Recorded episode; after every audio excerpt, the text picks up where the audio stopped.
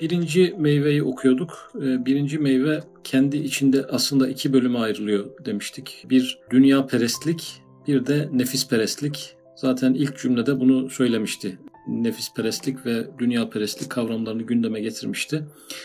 Geçen okuduğumuz bölümde daha çok dünya perestlik e, mevzu üzerinde durulmuştu. Burada dış dünyaya olan sevgi, dünya perestlik, iç dünyaya olan e, aşırı sevgiye de nefis perestlik diyoruz. Bugünkü konumuz nefis perestlik. Metnin yarısından kaldığımız yerden devam ediyoruz.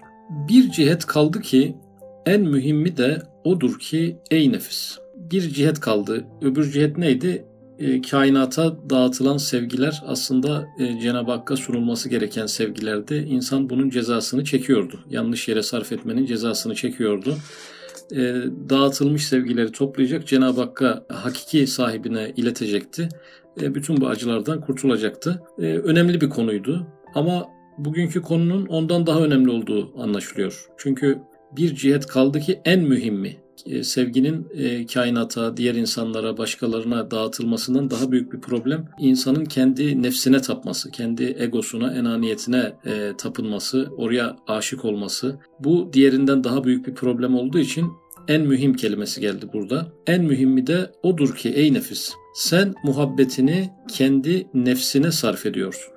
Yani burada kendi kendine sarf ediyorsun da diyebiliriz. Kendi benliğine enaniyetine sarf ediyorsun. Muhabbet duygunu, Cenab-ı Hakk'ı sevmek için verilmiş olan bu özel duyguyu kendi nefsine harcıyorsun, yanlış yerde harcıyorsun. Dolayısıyla burada insanın yaptığı en büyük hata e, karşımıza çıkıyor. Sen kendi nefsini kendine mabut ve mahbub yapıyorsun. Demek ki insan e, kendi nefsini, belki nefsi emmaresini mabut ve mahbub yapıyor. Bu mahbub derken aklımıza bu aşırı sevme gelmeli. İnsan kendi nefsini, enaniyetini çok seviyor. E, bir aşk duyuyor. E, fakat mabut deyince de yani bu aşkın bir takım gerekleri var. Nefsimizin emrettiği şeyler var, yasakladığı şeyler var. Nefsimizin istediği şeyleri adeta Cenab-ı Hakk'ın emriymiş gibi yerine getirmek, nefsimizin kaçındığı şeyleri de Cenab-ı Hakk'ın yasakladığı şeylermiş gibi kaçınmak. Dolayısıyla onu bir mabut, ibadet edilen bir otorite konumuna getirmek. Kendi nefsini kıstas ve ölçü görmek. Diyelim birisini sevmiyorsunuz ben sevmiyorsam bu adam kötüdür. Veya bir e, inancı beğenmiyorsun. Beğenmediğime göre bu inanç boştur. Veya bir iş. Ben bunu mantıklı bulmadığıma göre bu iş mantıksızdır. E, ne oluyor? Aslında bir e, şeriat otoritesi gibi e, kendini hayatın merkezine koyup e, kendi fikirlerine göre etiketleme yapma mevzu söz konusu olduğu için burada mabut kelimesi karşılar bunu. Mahbub aşırı bir hayranlık, kendisine bir aşırı bir beğeniyle yaklaşmak. Fakat mabutta da nefsinin arzularına göre bir yaşam yapmak. Nefsin ne isterse onu yapıp sonra onu mantıklı görmek. Adeta bir benlik, bir enaniyet dini yaşıyor gibi e, bir hale bürünmek. Her şeyi nefsine feda ediyorsun. Her şeyi nefsine feda ediyorsun. Başka bir risalede hakkın hatırı alidir, başka hatırlara feda edilmez e, deniliyordu. Burada da adeta nefsin hatırı alidir. İnsan nefsi her şeyin üstündedir. Nefsimi kırmayayım da kimi kırarsam kırayım. Önemli olan nefsimin hatrı kırılmasın, nefsimin canı yanmasın, kimin canı yanarsa yansın diye düşünmek. Adeta bir nevi rububiyet veriyorsun. Sanki kainatı yöneten, yürüten, kuralları koyan e, insanın kendi nefsiymiş gibi kendi nefsinin hatrına e, bütün fedakarlıkları yapmak, e, kendi nefsini koruma bakımından da bütün saldırıları e, gerçekleştirmek, bütün kötülükleri gerçekleştirmek gibi bir hatanın içerisinde giriyor. Kendini mabut görmek, kendini mahbub görmek, kendini ne bir rububiyet atfetmek, bağışlayan, öldürten, dirilten, e, rızık veren, kazandıran, e, menfaat veren veya zarar veren olarak kişinin kendisini merkeze alması ki bunların hepsi Cenab-ı Hakk'ın bir takım isimleridir. Çok zirve seviyelerde böyle bir problem yaşanıyor günümüzde. Üstadımız da bunun fotoğrafını çizmiş bu cümlelerle. Halbuki Muhabbetin sebebi ya kemaldir. Zira kemal zatında sevilir yahut menfaattir yahut lezzettir veyahut hayriyettir ya bunlar gibi sebep tahtında muhabbet edilir. Muhabbeti nefsimize hadi sarf edelim. Fakat muhabbetin bazı sebepleri vardır. Yani neden e, muhabbet duyulur? Menfaatten dolayı, lezzetten dolayı, hayriyet yani bir hayır dokunduğundan dolayı, bir kemalden, bir cemalden dolayı sevgi duyulur. Acaba nefsimiz bu tür sevgileri hak ediyor mu? Nefsimizin bize sağladığı menfaatler neler ki biz ona muhabbet duyalım? Nefsimizin bize sağladığı lezzetler nelerdir ki biz ona muhabbet duyalım? Veya nefsimiz hangi noktada kemaldedir ki biz ona bir muhabbet duyalım? Veya nefsimizin bize hangi noktalarda hayrı dokunmuştur ki biz ona muhabbet duyalım? Yani muhabbetin bu sebeplerinden acaba hangisini taşıyor ki kendimizi sevelim? Üstad sevmeyelim demiyor. Sevelim de ne için sevelim? Yani bize ne yaptı da o açıdan sevelim? Aşık olmayalım demiyor nefsimize. Olalım da aşkın e, hak edici kaynaklarından hangisi var nefsimizde? Bir tanesini bile bulsak tamam e, sevelim yani.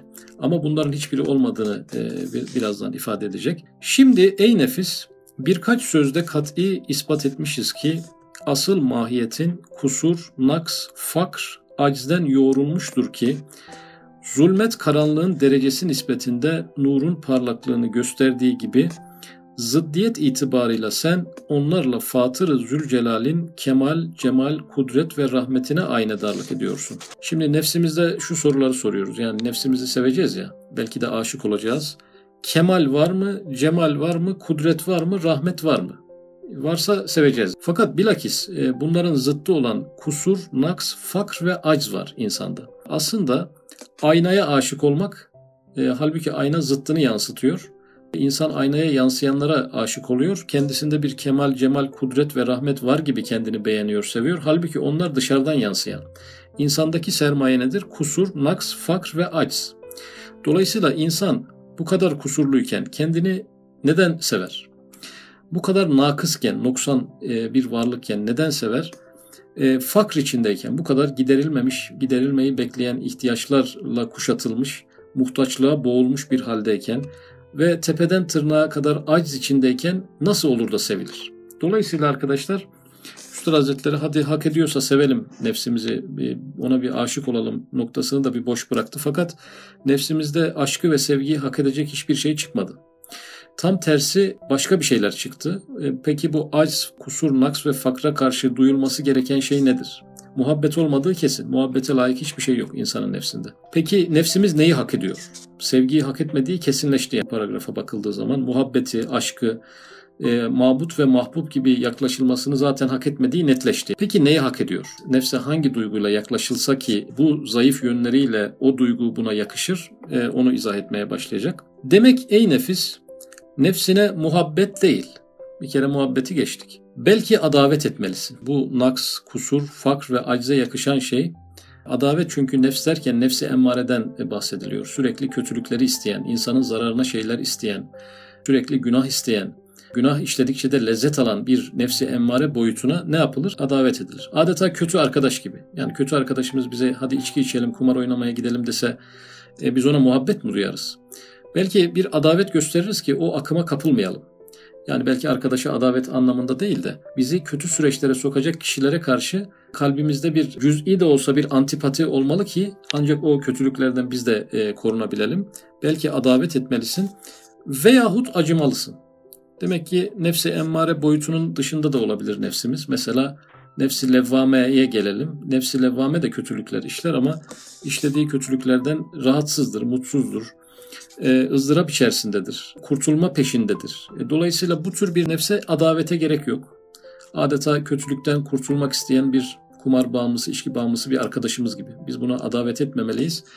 E, buna acırız değil mi? Kurtulmak istiyor fakat kurtulamıyor. Nefsi levvamemiz de böyledir. E, kendisini kınıyor fakat levvamenin öyle boyutları var ki e, sadece yaptığı günahları kınamıyor. Yaptığı iyiliklerde de bir e, bit yeneği bulup ben bu iyiliği yaptığıma göre bende vardır bir güttüğüm olumsuz bir maksat mutlaka vardır deyip kendi iyiliklerini bile kınayan bir e, seviye geldiğinden dolayı nefsi levvamenin son boyutlarında zaten acıma başlar. Kişi kendisine acımazsa sürekli baştan aşağıya kendini kınayan tarafıyla kişilik bölünmesi yaşar, ayakta duramaz.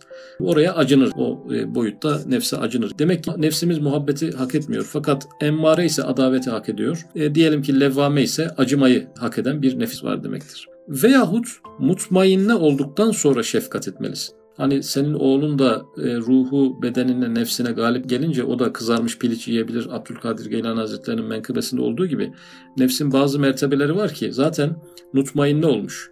Namazdan, niyazdan, oruçtan, ibadetten, evrad eskardan hoşlanan bir seviyeye gelmiş. O zaman bu tür nefse ne yapmak lazım? Acımaya da geçmeye gerek yok. Ona şefkat etmek gerekir. Helal dairesinde bir takım lezzetleri tatmasına müsaade etmek gerekir ki bu nefse bir ödül olsun. Eğer nefsini seversen, sevme demişti ama hadi seversen, çünkü nefsin lezzet ve menfaatin menşeidir. Sen de lezzet ve menfaatin zevkine meftunsun. O zerre hükmünde olan lezzet ve menfaati nefsiyeyi nihayetsiz lezzet ve menfaatlere tercih etme. Şimdi nefsimiz dünyada bize bir takım lezzetler almamızı sağlıyor. Ee, biz bir şey tadıyorsak nefsimiz sayesinde tadıyoruz. Onun cihazatı sayesinde e, tadıyoruz. Burada da nihayetsiz lezzet ve menfaatlere tercih etme. Ahirette bunun milyar katı, trilyon katı lezzetler var. Buradaki fani lezzetlerin baki halleri var. Buradaki numune ve gölge nimetlerin hakiki halleri olduğu için nefsimize e, lezzet alma demiyoruz. Azıcık bekle, gerçeğini al demiş oluyoruz. E, biraz bekle, fani olanından kurtul, baki olanını al demiş oluyoruz. Bu gölge ve kışır olan, bu kabuk olan kısmını bırak, öz kısmına geç ve ebediyen bu lezzeti al diyoruz. Nefsimize muhabbete gerek yok. Sadece bekle demeye gerek var. Nefsimiz de burada lezzetlerden mahrum kalacaksa şayet onu da ahirette hakikileri bekliyor ve ebediyen bekliyor şeklinde ona bir telkinde bulunmak icap ediyor. Yıldız böceği gibi olma. Çünkü o bütün ahbabını ve sevdiği eşyayı karanlığın vahşetine gark eder. Nefsinde bir lemacık ile iktifa eder. Zira nefsi olan lezzet ve menfaatinle beraber bütün alakadar olduğun ve bütün menfaatleriyle intifa ettiğin yani faydalandığın ve saadetleriyle mesut olduğun mevcudatın ve bütün kainatın menfaatleri, nimetleri, iltifatına tabi bir mahbubu ezeliyi sevmekliğin lazımdır. Nefsin bu sevgiyi hak etmiyor. Bunu hak eden kimdir? Senin bütün lezzetlerini ve menfaatlerini sağlayan e, kimse. Artı senin sevdiklerinin e, ve değer verdiklerinin lezzetlerini ve menfaatlerini sağlayan kimse sevgiye layık olan odur. Yani lezzetleri sevme, lezzeti vereni sev. E, menfaatleri e, sevme menfaatin kaynağı olanı sev ve telkininde bulunuyor. Çünkü sana olan lezzet ve menfaatin kaynağı nasıl Cenab-ı Hak'sa senin sevdiklerine olan lezzet ve menfaatin kaynağı da Cenab-ı Hak'tır. Dolayısıyla burada bir insan nefis perestlikten kurtulunca hem kendi üzerindeki nimetlerin mutluluğunu yaşaması mümkün hem de sevdiği ve değer verdiği insanlara gelen menfaat ve faydaların mutluluğunu yaşaması da mümkün. Çünkü enaniyet sahibi insan başkasının mutluluğuyla mutlu olamıyor. Sadece kendi mutluluğuyla mutlu olabiliyor. E, o da e, problemli bir mutluluk. Dolayısıyla bir insanın hayatında mutluluk verici kaç sahne olabilir ki? Yani 5-10 tane. E, ama etrafımızdaki insanların e, mutluluklarıyla mutlu olmayı bilince mutluluk sermayemiz gittikçe artıyor. Yani bir arkadaşımızın musibetten kurtulmasına seviniyoruz. Bir arkadaşımızın işte ee, bir zorlu süreci bitirip geçen bir arkadaşımız doktor oldu mesela. Onun doktorluğuyla seviniyoruz. Ee, başka bir arkadaşımız bir iş yeri açıyor, onunla seviniyoruz. Bir arkadaşımız birisinden iş alıyor, işleri kötüyken onunla seviniyoruz gibi. Bir bakıyorsunuz nefisperestlikten kurtulan bir insanın e, mutluluk sayısı gittikçe artıyor. Hani İhlas Risalesi'nde kardeşlerinin faziletleriyle şakirane iftihar etmek. Düşünün ki eğer insan bu nefsinden sıyrıldığı anda kardeşleriyle tefani olduğu zaman yüz binlerce insanın hayatındaki en küçük gelişmeler bile onun mutluluk hanesine, mutluluk verici bir şey olarak yazıldığı için böyle birinin e, günde yaşadığı mutluluk sayısı bazen 20'ye 30 geçer. Kendi haricindeki gelişmeler onu ilgilendirdiğinden dolayı. Ama enaniyetine gömülmüş bir insanın sadece kendi dar dünyası vardır. E, başkalarının mutluluğu bir de ona azap verir işin garibi. Yani etrafındaki insanlar başarı kazandıkça hani rahmete itiraz eden rahmetten mahrum kalır diye bir cümle okumuştuk. Başkalarına gelen iyiliklerden e, küsüyor diye bir cümle vardı orada.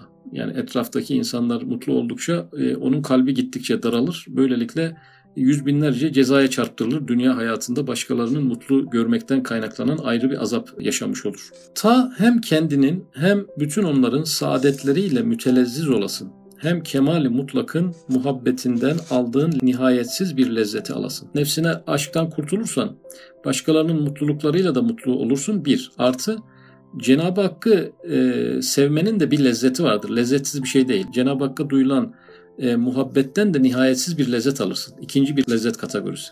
Yani nefs zannediyor ki ben kendimi sevince lezzet alırım. Enaniyetten lezzet alırım. Benlikten, gururdan, kibirden lezzet alırım. Üstad Hazretleri diyor ki sen bundan kurtulunca hem başka varlıkların mutluluklarıyla lezzet alırsın. İkincisi Cenab-ı Hakk'a karşı duyduğun muhabbette nihayetsiz bir lezzet vardır. Allah sevgisi bir takım bazı zor ve sıkıntılı ibadetlerdeki gibi değil. Bir meşakkatten ziyade bir ferahlık ve mutluluk var. Bir doyum noktası var, bir itminan var. E, çünkü insan zaten bu iş için yaratıldığı için bu doğru sevgiyi tattığı andan itibaren bir eziyet, bir zorluk, bir sıkıntı yerine bir mutluluk, bir ferahlık, e, bir sekine yaşamaya başlıyor. Üstadımızın bize teklif ettiği şey enaniyeti bırak, kalp ve ruhun dereceyi hayatına gir diye teklif ettiği metinde orada daha büyük lezzetler olduğu söyleniyor. Dışarıdan belki sıkıntılı süreçlermiş gibi gelen e, bu deneyimler aslında insanın ruhunu da dinlendiren, psikolojisini rahatlatan, ayrı bir mutluluk veren bir etkinlik olduğu anlaşılıyor. Zaten sana sende senin nefsine olan şiddet muhabbetin onun zatına karşı muhabbeti zatiyedir ki sen suistimal edip kendi zatına sarf ediyorsun. Biz kendimize dönük olan bu sevgimiz Cenab-ı Hakk'a döndürmeye çalışıyoruz ya. Aslında zaten bu öncesinde yapılmış bir hatanın sonucuyla bize geri dönmüş. Yani bu normalde Cenab-ı Hakk'a duyulması için verilmiş. Biz bunu suistimal ederek kendimize dönüştürmüşüz. Operasyon şu değil. Zaten insan kendini sever de onu zorlayalım Allah'ı sevdirtelim. Öyle değil. Zaten insan Allah'ı sever de insan suistimal edip kendine döndürmüş. Hatayı biz zaten yapmışız yani. Biz aslında onu yeniden yerine koyma çalışması, bu yerine yönlendirme çalışması yapıyoruz. Ve şiddet muhabbet diyor. Demek ki insanın kendine duyduğu muhabbet e, basit bir muhabbet değil, şiddetli bir muhabbet ve bir şeyin suistimal edilmiş hali. Allah'a dönük bir muhabbetin suistimal edilip yönünün yanlış yere çevrilmiş bir hali. E, insanın kendine olan bağlılığı e, bir sermayedir. E, yüzü hakikate döndürüldüğünde daha güçlü olarak insanın karşısına çıkabilir. Öyleyse nefsindeki eneyi yırt, hüveyi göster. Kainata dağıttığımız muhabbetleri Cenab-ı Hakk'a sevk etmek operasyonuydu. Burada da nefsimize sarf ettiğimiz muhabbeti Cenab-ı Hakk'a çevirmek. İki ayrı kategori, iki ayrı iş bunlar yani. İkisi aynı şeyler değil. Fakat kainata dağıttığımız muhabbet e, Cenab-ı Hakk'ın esma ve sıfatına döndürülebilir. E, kendi benliğimize yönettiğimiz muhabbet de Cenab-ı Hakk'ın zatına döndürülebilir. Burada böyle bir ince bir ayrım var. Cenab-ı Hakk'ın zatına karşı bir muhabbeti ancak nefsimize olan muhabbetten çevirebiliriz. Ki bu son paragrafta hassas bir şekilde bu iki mevzu korunuyor. Nefisperestlik dendiğinde sürekli Cenab-ı Hakk'ın zatı kelimesi kullanılıyor. Bu dünya perestlikle alakalı metinde de sürekli esma ve sıfat vurgulanıyor, zat kelimesi yok. Burada iki ayrı operasyon olduğunu görüyoruz. Öyleyse nefsindeki eneyi yırt, hüveyi göster. Artık benlik, sahiplenme, benim şu yönüm, şu güzelliğim, şu başarım, e, kazandıklarım, emeklerim, bilgilerim, zekam gibi değil de Cenab-ı Hakk'ın verdikleri bakımından e, artık değerlendirildiğinde o hüveye dönmüş olur. Bir şey yırtıp altından hüve çıkıyorsa Demek ki bizim kendimize duyduğumuz sevginin altında Allah sevgisi var. Zıttında değil. Bir ambalaj var sadece orada. O ambalaj kalkınca zaten hüve çıkıyor. Ee, yani tasavvufta sık sık sen çık aradan geriye kalır yaradan e, diyorlar. Eneyi yırt hüveyi göster. Yani e, ene ile hüve zıt yönlerde değil. Bir ambalaj, bir örtü olduğu için örtüyü kaldırmaktan ibaret. Ve kainata dağınık bütün muhabbetlerin onun esma ve sıfatına karşı verilmiş bir muhabbettir. Bakın zat kelimesi geçmedi burada. Kainata dağınık muhabbetler onun esma ve sıfatına karşı verilmiş bir muhabbettir. Sen suistimal etmişsin, cezasını da çekiyorsun. Bu bir önceki dersin bir özeti gibi oldu. Çünkü yerinde sarf olunmayan bir muhabbeti gayrı meşruanın cezası merhametsiz bir musibettir yerinde sarf olunmayan. E, şimdi bir de yeri var demek ki. Muhabbetin bir yeri var. E, yeri geldiği zaman harcamama gibi bir imkan yok. Mesela şu denemez. Ben bu muhabbeti nefsime de harcamayacağım. Cenab-ı Hakk'a da harcamayacağım gibi bir ihtimal yok. Bu kaygan bir enerji ve mutlaka hedefini buluyor. İki seçenekten birine saplanıyor. Yerinde sarf olunmayan bir muhabbeti gayri meşruanın cezası merhametsiz bir musibettir. Nasıl gayri meşru günahlarda bir takım şer'i cezalar olmuş. E, orada da merhamet yasaklanmış bir noktada. Yani acıma noktası yasaklanmış. Fakat bu fıkhi meseleden daha çok e, gayri meşru e, buradaki gayri meşruyla fıkıhtaki gayri meşru birbirini tutmuyor. Yani. Üstad Hazretleri burada gayet meşru yani bir insanın kendisini sevmesine kim gayri meşru diyebilir?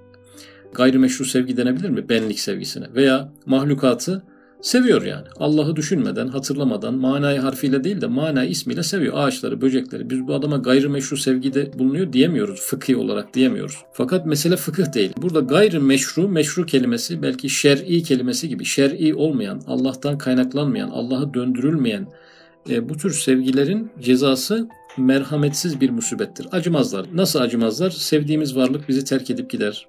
Karşılık vermez, bizi iter veyahut bu dünya ona doymaya müsaade etmez. Bir şekilde doymadan iyice acıktırarak insanın dünyasından uzaklaşır veya bir zulme başlar. Allah'a e, sarf edilecek bir muhabbet bazı insanlara, bazı otoritelere sarf edilirse onlardan tebrik ve takdir yerine bir zulüm e, ve adavet görmeye başlar. Cenab-ı Hak kendisine yöneltilmesi gereken duyguların bir kısmını bile bir yerlere yöneltme gibi bir hata olduğu anda hemen onların zalim eliyle cezalandırıyor. Üstad Hazretleri başka bir yerde ben ehli dünyanın layık olmadıkları halde onlara bir muhabbet gösterdim. Cenab-ı Hak da onların eliyle e, beni tazip ediyor. Özellikle onları yani tam da ilgi gösterdiğim, hürmet ettiğim insanların eliyle bana azap veriyor dediği bir mevzu ve yine başına gelenlerin bu mevzuda gayrimeşru muhabbetin karşılığı olarak kendisinde ifade ettiği yerler var. Rahman Rahim ismiyle hurilerle müzeyyen, şimdi ey nefis dedi ya bu ey nefis parantezini her yerde korumak lazım. Ey nefis kendini boşuna sevme çünkü lezzetlerin ve menfaatin kaynağı sen değilsin. Hak etmiyorsun. Hak eden biri var. Lezzet ve menfaatleri sana sağlayan biri var. Onu sev. Mevzunda bir telkine devam ediyor. Rahman Rahim ismiyle hurilerle müzeyyen, cennet gibi senin bütün arzularına cami bir meskeni, senin cismani hevesatına izhar eden ve sair esmasıyla senin ruhun, kalbin, sırrın, aklın ve sair letaifin arzularını tatmin edecek. Yani düşünün ki nefsin arzuları tatmin olsun diye koca cennet yaratılmış. Ayrıca ruhun arzuları tatmin edilsin, aklınkiler, sırrınkiler, diğer latifelerin her birine lezzetler, menfaatler sağlansın diye bir cennet yaratılmış. Nefse diyor bunu. Ey nefsim kimi seviyorsun? Lezzeti mi seviyorsun? Lezzetin adeta tabiri caizse feriştahı var bir yerlerde. Onun kaynağını gösteriyor yani. Sadece kendini düşünme. Kalbin, ruhun, aklın, diğer latifelerin lezzetleri de var. Onları da sağlayan birisi var. Ebedi ihsanatını o cennette sana müheyya eden ve her bir isminde manevi çok hazine-i ihsan ve kerem bulunan bir mahbubu ezeliğinin elbette bir zerre muhabbeti kainata bedeldir. Cenab-ı Hak insanı sevmiş. E, o sevgisinin sadece bir tecellisiyle cennet olmuş. Cennet yaratılmış. İnsana e, olan sevgisinin bir ışıltısı cennet şeklinde tezahür etmiş. Bu sevgi yani Cenab-ı Hakk'ı seven birisi için kainata bedel olabilir. Neden? Onun bizi sevgisi cennete neden olmuş. Kainat dediğiniz şey cennetin yanında ne kadar hiçbir şey ifade etmiyorsa nefsimize duyduğumuz sevgi de Cenab-ı Hakk'a duyacağımız sevginin yanında hiçbir şey ifade etmez. Kainat onun bir cüz'i tecelli muhabbetine bedel olamaz. Yani Cenab-ı Hak duysak ki bilsek ki bizi seviyor. Ee, bunun karşılığında insan neleri feda edebilir acaba? Seviyor geçiyorum razı. Cenab-ı Hak bilsek ki şu anki hayatımızdan, duruşumuzdan, gidişatımızdan oldukça hoşnut, memnun, razı ve bunu garantili bir elden duysak şüphe götürmeyecek bir şekilde e, hani güzel haberler sonrasında sadaka vermek sünnettir. İnsan ne vermesi gerekir acaba bunun karşılığında? Her şey verilir. Yani bütün kainat insanda olsa bu yolda bu müjde için harcanabilir. Çünkü sonuç itibariyle kainat fanidir. Cenab-ı Hakk'ın insana olan sevgisi ise baki bir sevgidir. Bekaya sebebiyet veren bir sevgidir. Öyleyse o mahbubu ezelinin kendi Habibine söylettirdiği şu fermanı ezeliyi dinle ittiba et. İn kuntum tuhibbunallâhe fettebi'uni yuhbibkumullah. Eğer Allah'ı seviyorsanız Hazreti Peygamber'e itaat edin ki Allah da sizi sevsin. E, dolayısıyla bu ayet-i kerime aklımızda şöyle bir soru belirledi. Nefsimiz sevgiye layık değil, bu sevgiyi hak etmiyor. Kainattaki varlıklar da bunu hak etmiyor. Her şeyin sahibi olan varlık bunu hak ediyor. Bu sevgiyi öncelikle ona döndüreceğiz. Sonra e, dolaylı olarak mahlukata da sarf edebiliriz. Nasıl yapacağız? Cenab-ı Hak sevgisini madem o hak ediyor bunu en doğru da orada kullanılır. Madem bunun tersi bir takım müsibetlere, e, merhametsiz müsibetlere sebebiyet veriyor. Bunu en doğru Cenab-ı Hakk'a yönetmenin bir yolu var mı? Böyle soyut bir kavramı nasıl insan başarıyla Cenab-ı Hakk'a yönetebilir şeklindeki soruya bir adeta bir kısa yol söylemiş. Yani ayet-i kerimede e, Allah sevgisinin koşulu Hazreti Peygamber'e ittiba. Biraz daha geniş ele alınabilir. Cenab-ı Hakk'ın dinine, Kur'an'ına, İslam'a ittiba, ona kendini verme, e, kendini e, o yola adama, Cenab-ı Hakk'ın emir ve yasaklarına sımsıkı sarılma Cenab-ı Hakk'ın sevgisi konusunda bizim yapabileceğimiz tek şeydir. Başka bir yöntem e, konulmamış. Dolayısıyla hadi ben bu metni anladım. Bundan sonra nefsime ve mahlukata dağıtmayacağım sevgileri. Cenab-ı Hakk'a dağıtacağım. Oldu diye olmuyor. Bu e, Efendimiz Aleyhisselatü Vesselam'ı sevmeye, ona ittiba etmeye, onu takip etmeye çalışmaya bağlı bir şey. Bu gayretin ardından da Allah sevgisi e, Cenab-ı Hak da onu insanın kalbine damlatıyor. Yani çaba bizden, tevfik Allah'tan. E, o yolda gayret edildikten sonra Cenab-ı Hakk'ın lütfu e, ve ikramı olarak e, insanın kalbine iner e, diye bu kısa cevap gelmiş oldu.